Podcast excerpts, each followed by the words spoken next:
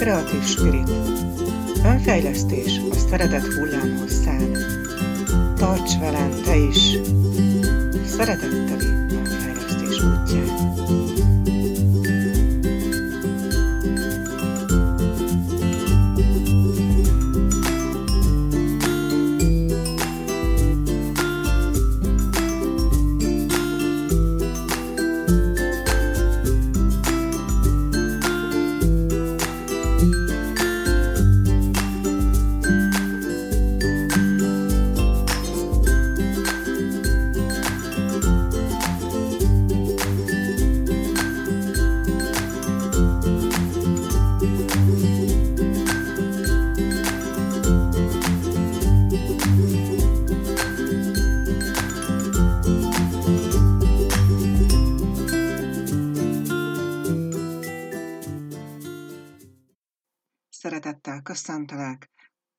Kabancsilla vagyok, kreatív spirit, lélekoldó, önfejlesztő mentor, tréner, újságíró, szövegíró.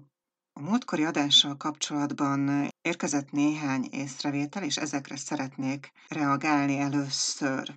Az előző adásban kitértem arra, hogy ugye a vallások nagyon sok esetben téves hitrendszereket terjesztettek, mint például, hogy a szenvedés az milyen nagy dicsőség, és még sorolhatnám ezeket.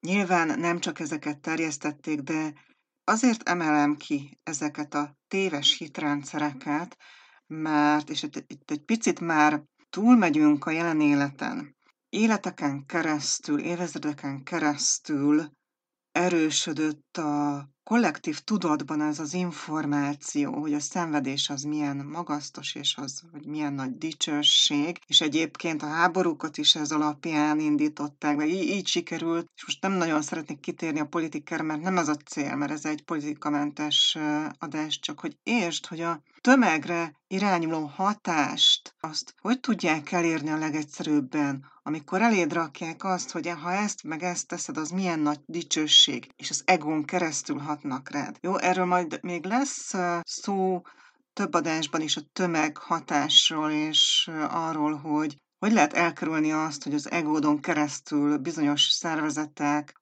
vagy bizonyos olyan manipulációs vezetők, akik, akik nagyon mesterien és okosan használják ezeket az eszközöket, ne szippantsanak be, és igenis tud mérlegelni, és tud használni a megkülönböztetés képességét. Egyébként a megkülönböztetés képességének a fejlesztése is benne van abban a mentor programban, amit jövő januárban indítunk el.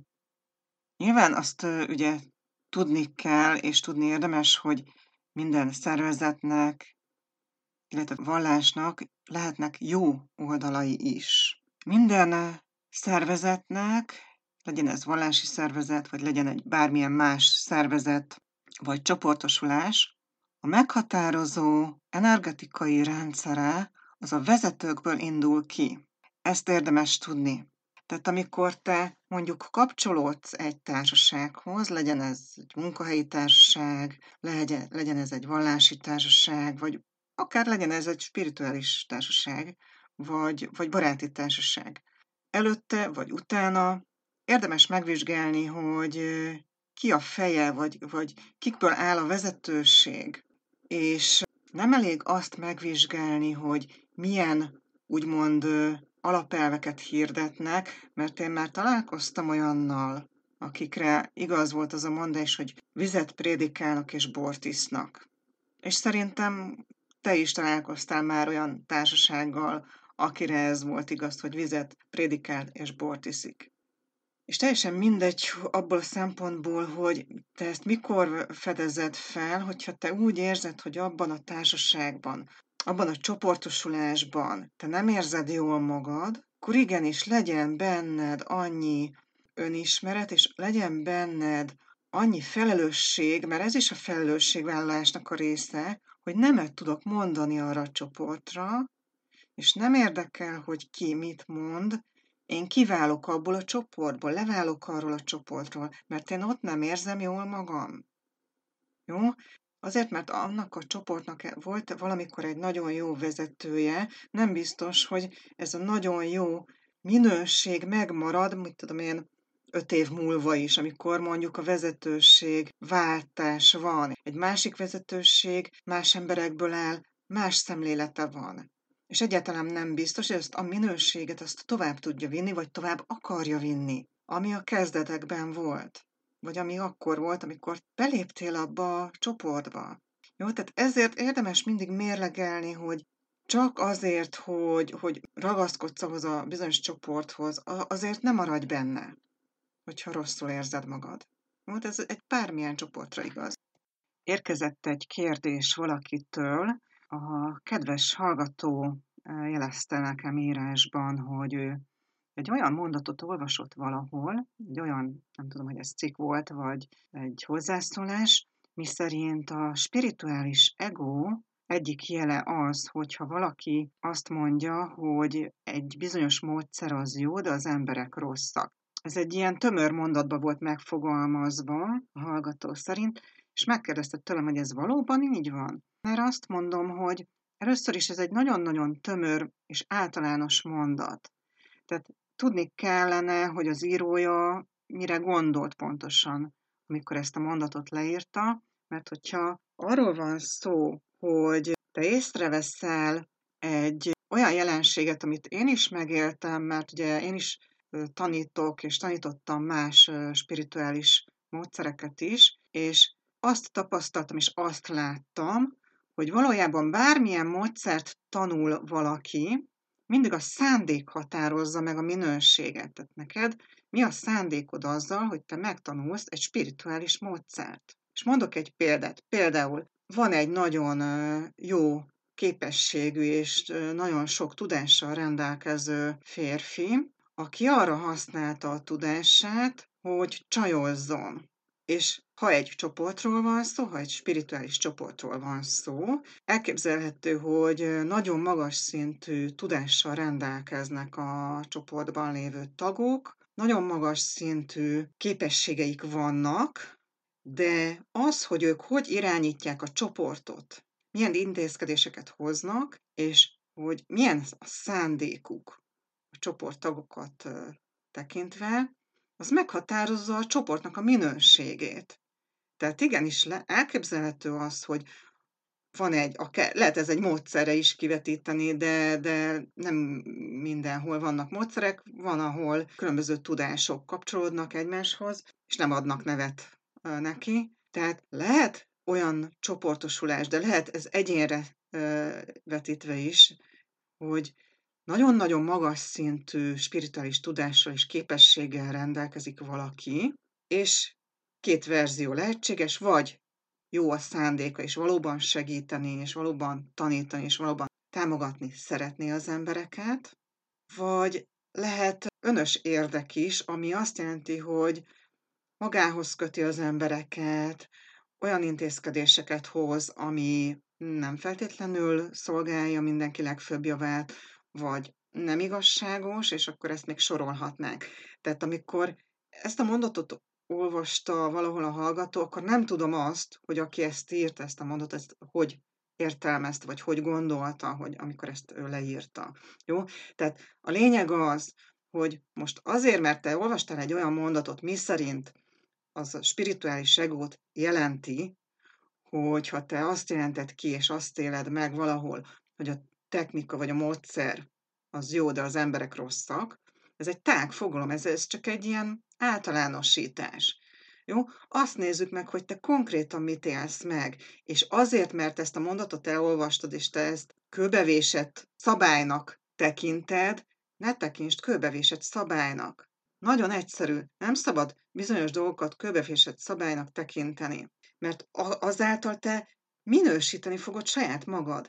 És akkor most azért, mert te attól félsz, hogy ha te elhagysz egy olyan csoportot, ahol te nem érzed jól magad, bár azt látod, hogy a tudásuk a csoporttagoknak nagyon magas szintű, de mégsem érzed jól magad abban a csoportban valami vagy valakik miatt, és ha kilépsz abból a csoportból, akkor legyen bűntudatod, mert valaki szerint ez a spirituális ego. Ne, ne legyen bűntudatod.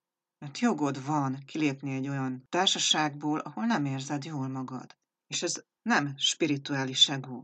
Ez az, hogy vállalod a felelősséget saját magadért, és mersz nemet mondani arra, amiben nem érzed jól magad.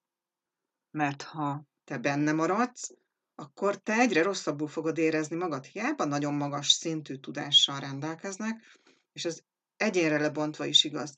Te elmész egy tanácsadóhoz, vagy tanárhoz, egy spirituális tanácsadóhoz vagy tanárhoz, és te ott rosszul érzed magad, és nem érzed azt, hogy ő etikusan bánik veled, akkor abban a pillanatban jogod van nemet mondani, hogy én most felállok és eljövök. És ugyanez igaz a csoportra. Jogod van ahhoz, hogyha te rosszul érzed magad egy akár spirituális csoportban is, te felállsz, és azt mondod, hogy köszönöm szépen, én ebből nem kérek, hátat fordítasz, és eljössz. Az a jó, hogy manapság lehet válogatni a csoportok, a tanácsadók, tanárok, mentorok, trénerek közül. Ki tudod választani azt, melyik az, aki számodra hiteles, és van választásod. Régen nehezebb volt kiválasztani, ma az a nehézség, hogy meglásd azt, és ki tud választani azt, aki számodra a legmegfelelőbb. Ebben a választásban majd még fogok neked segíteni, további podcastokban is lesz majd szó az egóról is, a minőségről is. Ez is egy széles körű téma. Fontos vagy. Látlak téged, figyelek rád. És ezt konkrétan én is megtapasztaltam, hogy spirituális csoportokban is lehetnek ilyen helyzetek. Tehát egyáltalán ne úgy képzeld el a spirituális csoportokat, hogy ott mindenki egy angyal, és, és mindenkivel minden rendben van. És ez tök természetes, mert mindenkinek vannak más nézőpontjai, mindenkinek vannak olyan fejlesztendő tulajdonságai, amit nem egy nap alatt fog továbbfejleszteni, és itt te tudod meghatározni azt, hogy te a te határaidat, a te erkölcsi normáidat ez mennyire sérti, a te lelkedet mennyire sérti, azt, hogy az adott csoportban, amiben te részt veszel, a vezetők milyen intézkedéseket hoznak. És hogyha te úgy látod, hogy nem tudsz vele azonosulni, nem tudsz vele harmóniában lenni, akkor igenis lehet nemet mondani rá, és lehet azt mondani, hogy én ebből a csoportból most kilépek. És elmesélem a saját példámat azzal kapcsolatban, hogy igen, én is beleestem abba a hibába, amiben az emberek többsége beleesik, hogy következetes akartam lenni. És aztán rájöttem, hogy jó a következetesség, de csak akkor és addig, amíg nem korlátoz téged. Tehát a sztorim a következő. Ugye tagja voltam egy spirituális szervezetnek, amelynek Amerikában van a székhelye, és nemzetközi minősítést szereztem, mint tanácsadó és mint tanár. És nagyon tiszteltem az alapító tagot, és, és nagyon felnéztem rá, és aztán telt múlt az idő, az alapító tag nyugdíjba ment, és lehetett érzékelni, hogy a vezetőségben létrejött változás a szervezetnek a minőségét is befolyásolta, mégpedig nem pozitív irányba, hanem, hanem lefelé menő irányba.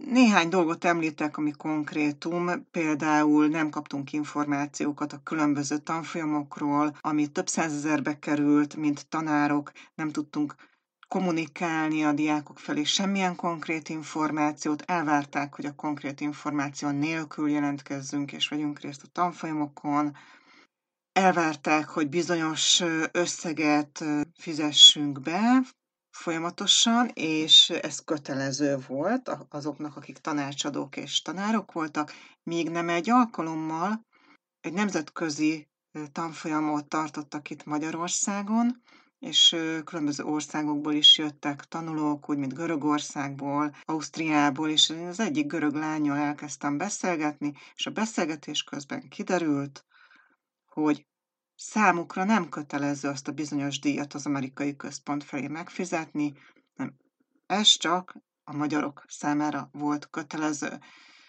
Itt már bennem volt egy csalódás, hogy ez milyen eljárás velünk szembe, és most kimondom őszintén, tök hülyének éreztem magam, és az volt az érzésem, hogy a magyarokat hülyére veszik. Tehát ez volt az első olyan csalódás, amikor azt mondtam, hogy na, itt most akkor álljunk meg egy pillanatra, hogy itt ez most hogy is működik, és fokozatosan derültek ki olyan turpisságok, és ezt most nagyon finoman és enyhén fogalmaztam, és olyan, hát én a gazdasági visszaélésnek hívom ezeket, mind a nemzetközi részről, és sajnos magyar részről is néhány kolléga részéről, amelyekre én azt mondtam, hogy ez hiába hívják a szabadság ösvényének, maga a vezetőség és néhány képviselő nem ezeket az értékeket éli, és nem ezeket az értékeket képviseli, amiket egyébként a szervezet hangoztat. És akkor döntöttem úgy, hogy lesz, ami lesz. Nem tudtam akkor még, hogy mi lesz.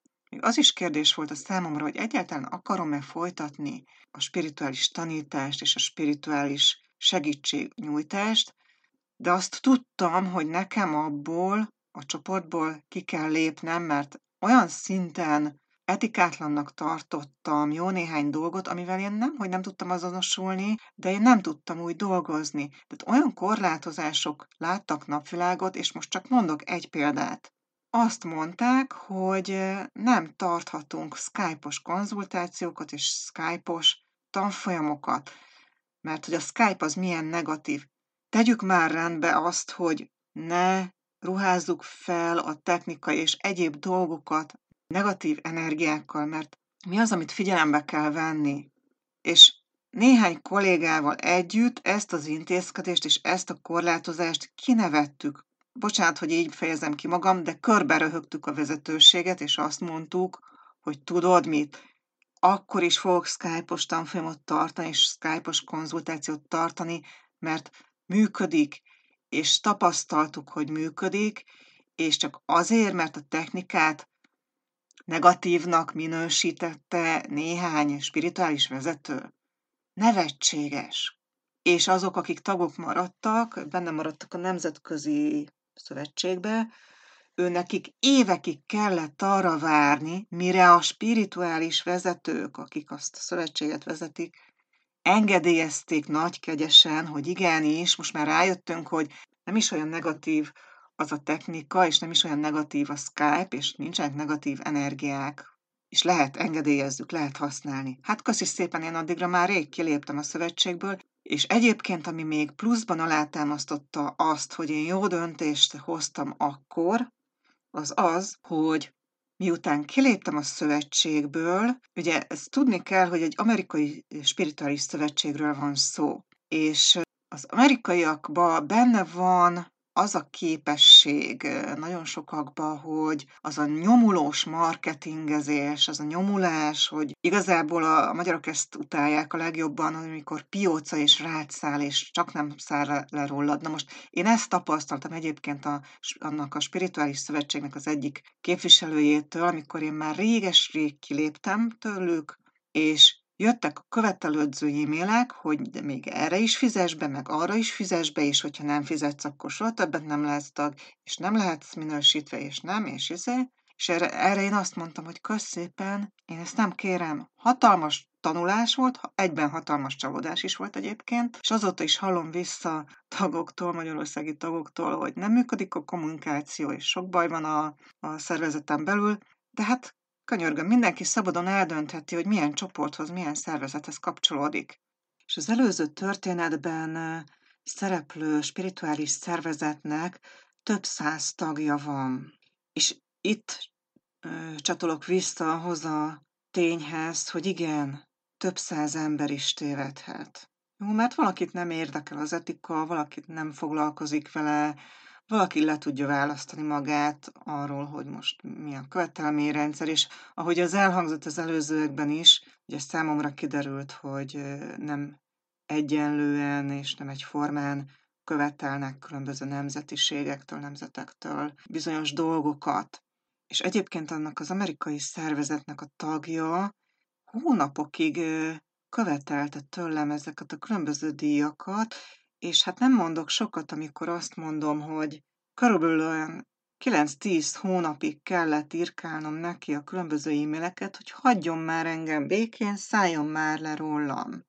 Ilyen nagyon erősen és ilyen hosszú időn keresztül nyüstölt engem, teljesen értelmetlenül, mert nem lett meg az eredménye, mert, ne, mert nem szeretem ezeket a piócákat, és, és én sem vagyok ennek a híve. Fontos vagy.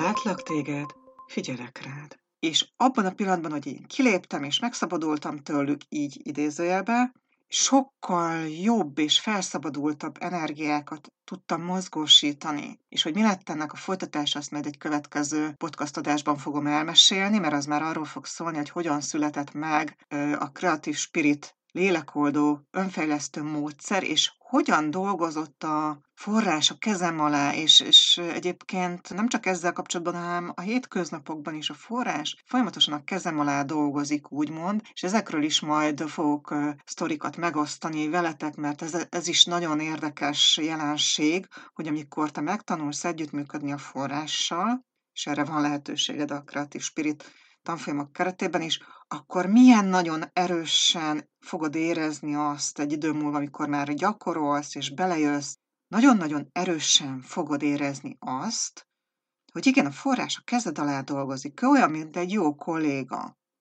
Fontos vagy. Látlak téged, figyelek rád. Van egy olyan marketing szöveg, ami nagyon bevált a tömegeknél, és nagyon bevált az emberek többségénél, ami úgy hangzik, hogy mit tudom én, tízezer fős vagy százezer fős követőtábora van, teljesen mindegy, és akkor elkezdi azt a szlogent gyártani, és ismételgetni, hogy ennyi ember nem tévedhet. És itt most jön egy cáflat, és ezt a történelem folyamán is, hogyha visszanézed, akkor az élet cáfolja meg. A tömeg az nem bizonyíték arra, hogy valami a legfőbb jót szolgálja. Az emberek szeretnek olyan dolgokhoz és olyan csoportokhoz kapcsolódni, ahol sokan vannak, mert megvan az a biztonság érzet, az a hamis biztonság érzet, és ezen van a hangsúly, hogy ha ennyi ember csatlakozik hozzá, akkor az biztos csak jó lehet, az kizárólag csak jó és előrevívő lehet. És miért mondom azt, azt hogy ez, ez egy hazugság, ez egy önállítás?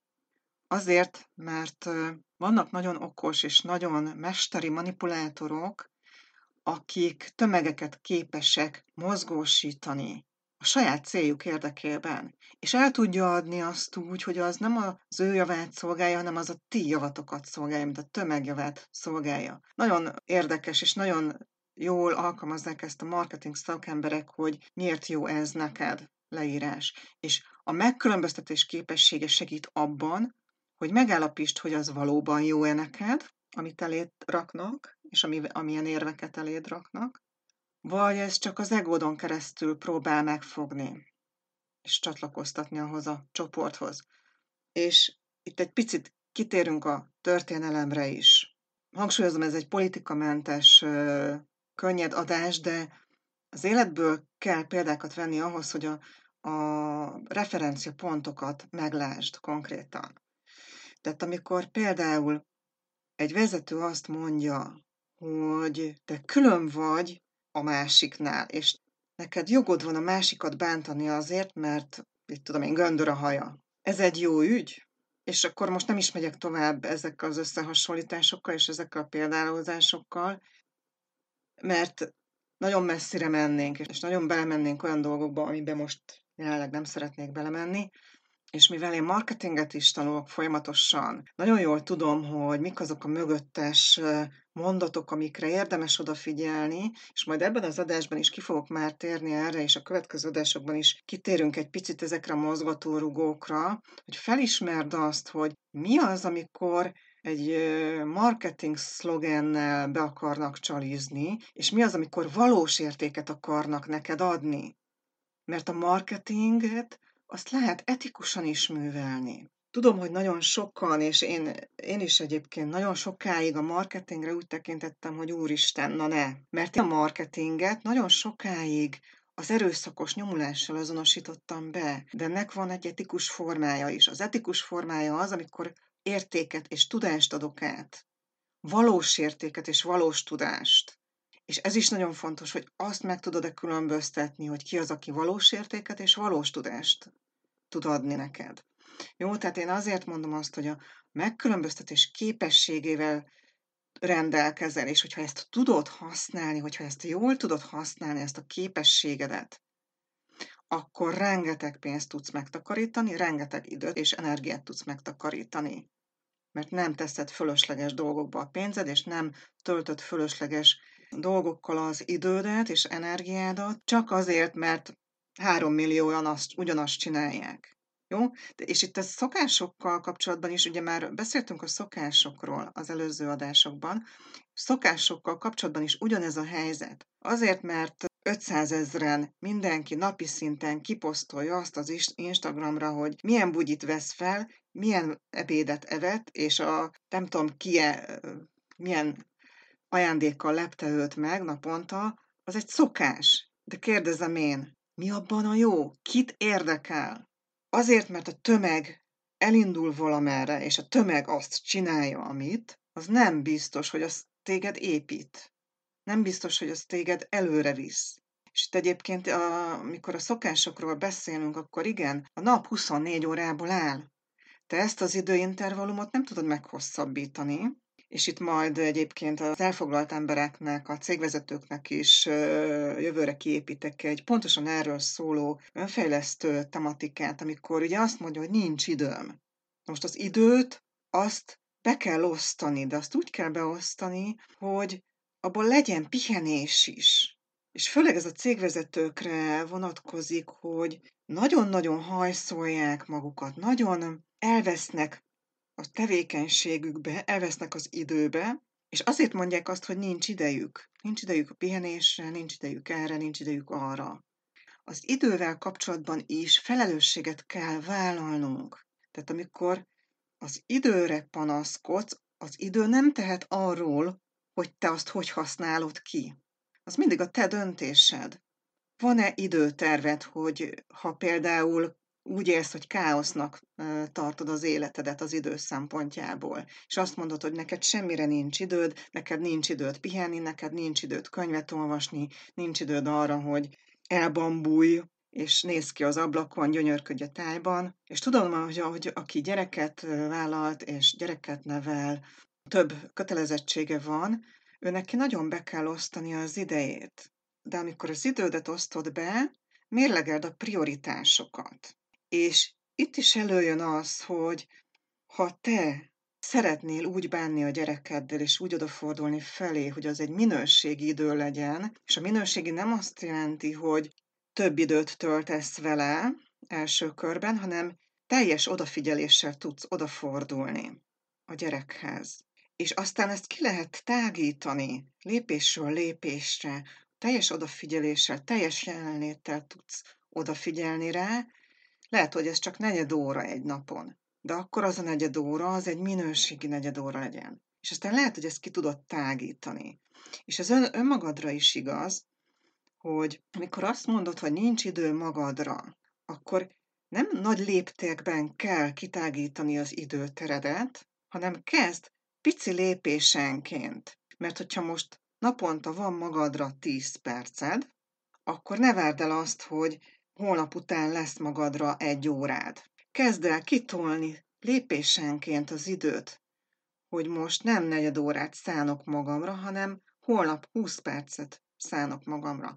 Holnap után 30 percet szánok magamra. És ezt a 30 percet megtartom egy héten keresztül.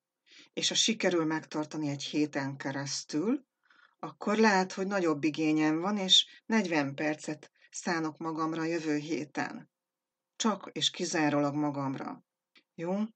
Tehát így érdemes az idővel kapcsolatban gyakorolni azt, hogy igenis tudatosan mi osztjuk be az időnket. Jó, lehet az időt szídni, de attól neked még nem lesz több időd.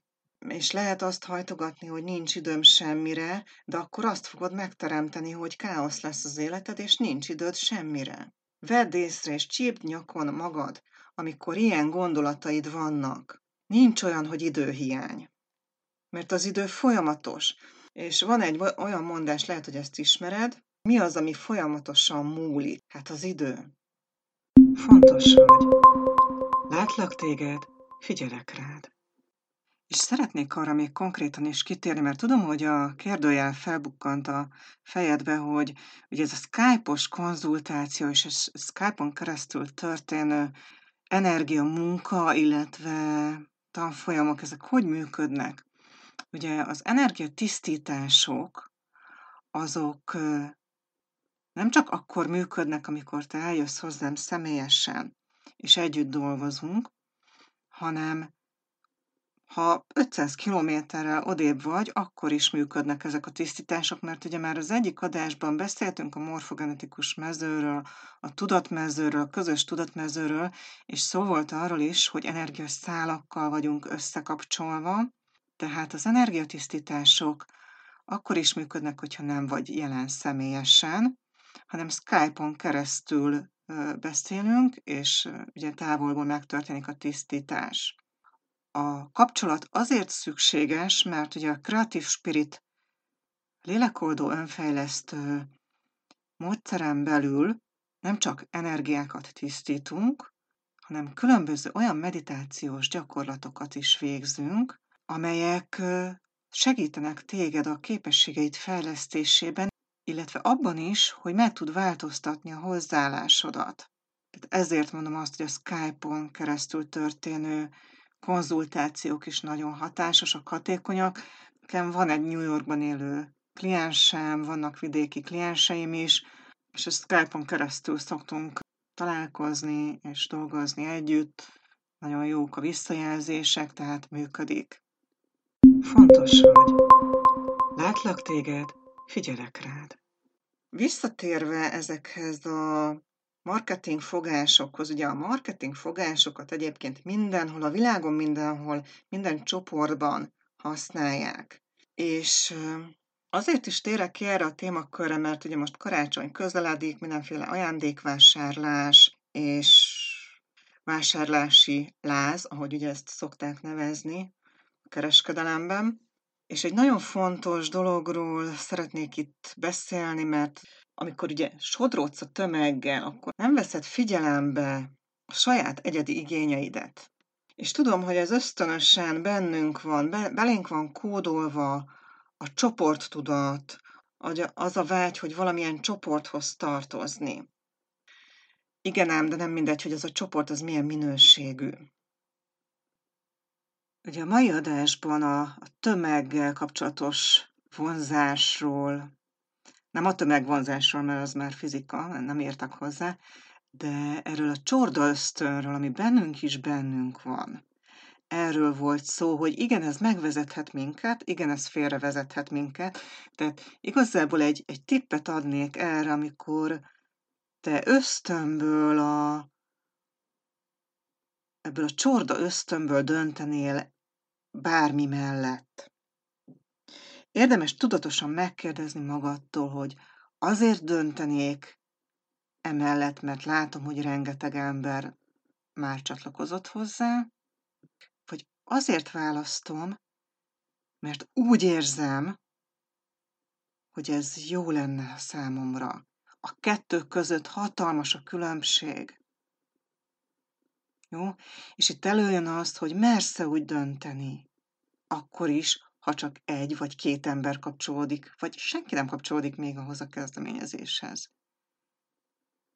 Mersz rálépni egy új ösvényre, mersz rálépni egy új ösvényre úgy, hogy a saját megérzésedre hangolódsz, és hallgatsz a saját megérzésedre, hogy igen, az neked jó lesz. Tudsz-e, rá tudsz-e érezni arra, attól függetlenül, hogy hány ember van abban a kezdeményezésben, vagy, vagy esetleg lehet, hogy csak most indul az a kezdeményezés, tudsz-e ahhoz kapcsolódni akkor is, hogyha nem tömegesen vannak amellett a dolog mellett, mondjuk egy új induló dologról van szó, meg tudod-e érezni abban azt, hogy neked mi a jó, hogy az a te javadat szolgálja-e, és tudod-e választani? És hogyha azt érzed, hogy a te javadat szolgálja, tudod-e választani azt a bizonyos dolgot, annak ellenére, hogy nem tömegek választották még. És ez nagyon fontos, mert ugye beszéltünk már arról, hogy amikor nem a tömeg után mész, hanem egy új utat keresel, és egy új utat találsz, akkor az történik, hogy eltérsz a megszokottól, azaz kilépsz egy nagyobb lehetőségbe, kilépsz a megszokott kis dobozkádból, elhagyod a komfortzónádat, és lehet, hogy adott esetben, hogyha te elsőként csatlakozol valamihez, vagy elsőként kezdeményezel valamit, akkor lehet egy ilyen magányosság érzése. De ez is egy próbatétel lehet az életben, hogy annak ellenére, hogy te egyedül érzed magad abban a dologban, te kitartasz. És a te kitartásoddal mutatsz példát a többieknek, hogy igen, nem mindig a tömeget kell követni. És nem mindig az a jó, és nem mindig azt szolgálja a javunkat, hogyha tömeget követjük. És itt előjöhetnek olyan félelmek, amikkel én szoktam találkozni kliensekkel, tanulókkal, amikor konzultációkat, amikor tanfolyamokat tartok, és ez nagyon-nagyon fontos ezt felismerni, amikor egy férfi azt mondja nekem, hogy a párja elutazott, és azért várja vissza a párját, mert ő fél egyedül. Nem azért, mert nagyon szereti a párját és hiányzik, hanem fél egyedül otthon lenni. Érted a különbséget? És nem azért ragaszkodik a párjához, mert olyan nagyon szereti őt, hanem azért, mert fél az egyedülléttől. Hatalmas a különbség. Fontos vagy. Látlak téged, figyelek rád.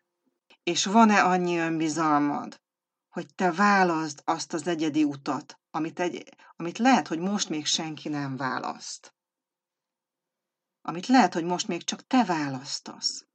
Van-e annyi önbizalmad, és van-e annyi bizalmad a belső bölcsességedhez, vagy akár a forráshoz, hogy te akkor is választod azt, amit te a saját magad érzését szerint a magadénak érzel, amire úgy tudsz ráhangolódni, hogy igen, az a te választásod, és az téged szolgálni fog.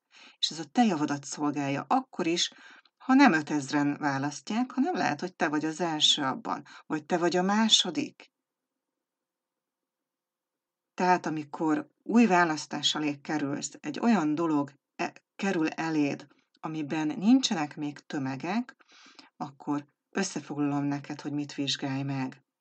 Félsz attól, hogy te leszel az első, félsz az egyedül léttől, félsz attól, hogy mit fognak szólni mások, mert te, esetleg te vagy az első, aki azt a dolgot kipróbálja, és felül tudsz emelkedni a félelmeden. Ha vannak benned olyan félelmek, hogy félsz az egyedül léttől, és félsz, hogy mit fognak mondani mások, akkor ezzel a témával foglalkozni kell. Jó, akár kreatív spirit lélekoldás, önfejlesztésen keresztül rengeteg támogató gyakorlatot ö, tudok a rendelkezésedre bocsájtani, lépésről lépésre nem véletlen az, hogy olyan széles a kreatív spirit tárháza, amiben nagyon sok minden megtalálható, mert több oldalról szükséges támogatni mentális, érzelmi és akár fizikai oldalról is, a fizikai támogatás pedig egyrészt energetikai helyreállítás és harmonizáció, másrészt pedig a tavasztól újrainduló lóasszisztált önfejlesztés. Ez a kettő, ez fizikai szinten is támogat téged, a gyakorlatban tudod megtapasztalni azt, hogy mennyit fejlődik, és milyen élményközpontú lehet az, az önfejlesztés, amit úgy hívunk, hogy szeretetteli önfejlesztés útja. Fontos vagy. Látlak téged, figyelek rád.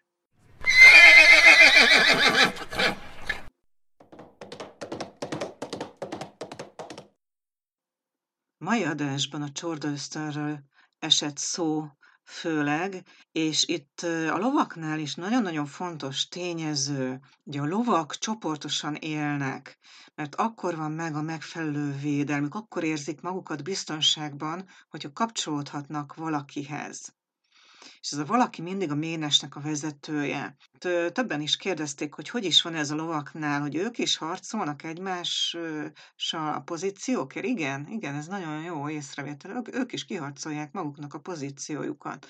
Van egy hierarchikus rendszer a ménesben, és erről majd még fogok beszélni nektek, hogy jobban megismerjétek a lovaknak a természetét. Igen, a csordösztön a lovaknál is működik, pontosan emiatt. És ez nagyon jól megfigyelhető akkor, amikor vegyük azt például, amikor van két kezdő lovas a pályán, meg egy haladó lovas.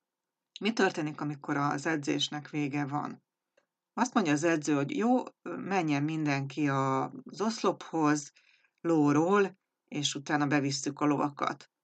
Az egyik kezdő elindul a lovával a korláthoz, a másik kezdőnek a lova automatikusan követni fogja, mert szeretne kapcsolódni a másikhoz. A haladó pedig akkor fog elindulni a korlát felé, amikor ő azt jónak látja. Mert a haladó lovas meg tudja mondani a lovának, hogy figyelj ló, teszünk még két lépést jobbra, és csak utána indulunk el a többiek után. Tehát a haladó lovas mert nagyon, nagyon figyel arra, hogy az edzés legelejétől a legvégéig száz százalékban figyeljen rá a ló, és ne a másik lovat figyeljen, ne a másik lóra figyeljen, és a, a lova ne a másik lovat kövesse, mert akkor abban a pillanatban, ha a, az én lovam a másik lovat kezdi el figyelni, és a másik lóhoz akar kapcsolódni, akkor már elvesztettem az uralmat fölötte. Már semmi befolyásom nincs a lóra, hiszen abban a pillanatban már nem én irányítom őt, hanem az ösztönei, a csorda ösztön. És ezt nem szabad megengedni, gyakorlottabb lovasok ezt nagyon jól tudják. És kitérek arra most, hogy mennyivel könnyebb dolgod lesz neked, amikor úgy döntesz, hogy tavasszal eljössz és részt veszel a lóasszisztelt önfejlesztő foglalkozásokon, mert ugye először is ott nem ülünk lóra, földön végezzük azokat a gyakorlatokat, ami különböző képességeidet fejleszti, és nem lesz más a pályán, csak te, a ló és én. Tehát mi hárman. Nem lesz ott más ló, tehát nem fordulhat elő az, hogy a Dolly a ló, akivel együtt fogunk dolgozni, egy másik ló után megy. Igazából sokkal könnyebben fogsz neki indulni a lóval való ismerkedésnek, és a lóval való együttműködésnek, hogyha választod tavasszal ezt a lehetőséget. A mai adást ezzel zárom, és hogyha van kedved, megköszönöm előre is, hogy ha továbbítod ezt a podcast lehetőséget az ismerőseidnek, azoknak, akiket szerinted érdekel. Követhetsz a Creative Spirit Instagram oldalon is, illetve van egy Facebook csoportunk, Creative Spirit Podcastnak van egy külön Facebook csoportja, oda is csatlakozhatsz, és szeretettel várlak a következő hétfőn is a Creative Spirit önfejlesztő podcast adásában. Találkozz legközelebb is Kabany Csillával, Creative Spirit lélekoldó önfejlesztő mentortrénerrel, itt a Szeretet hullámhosszán.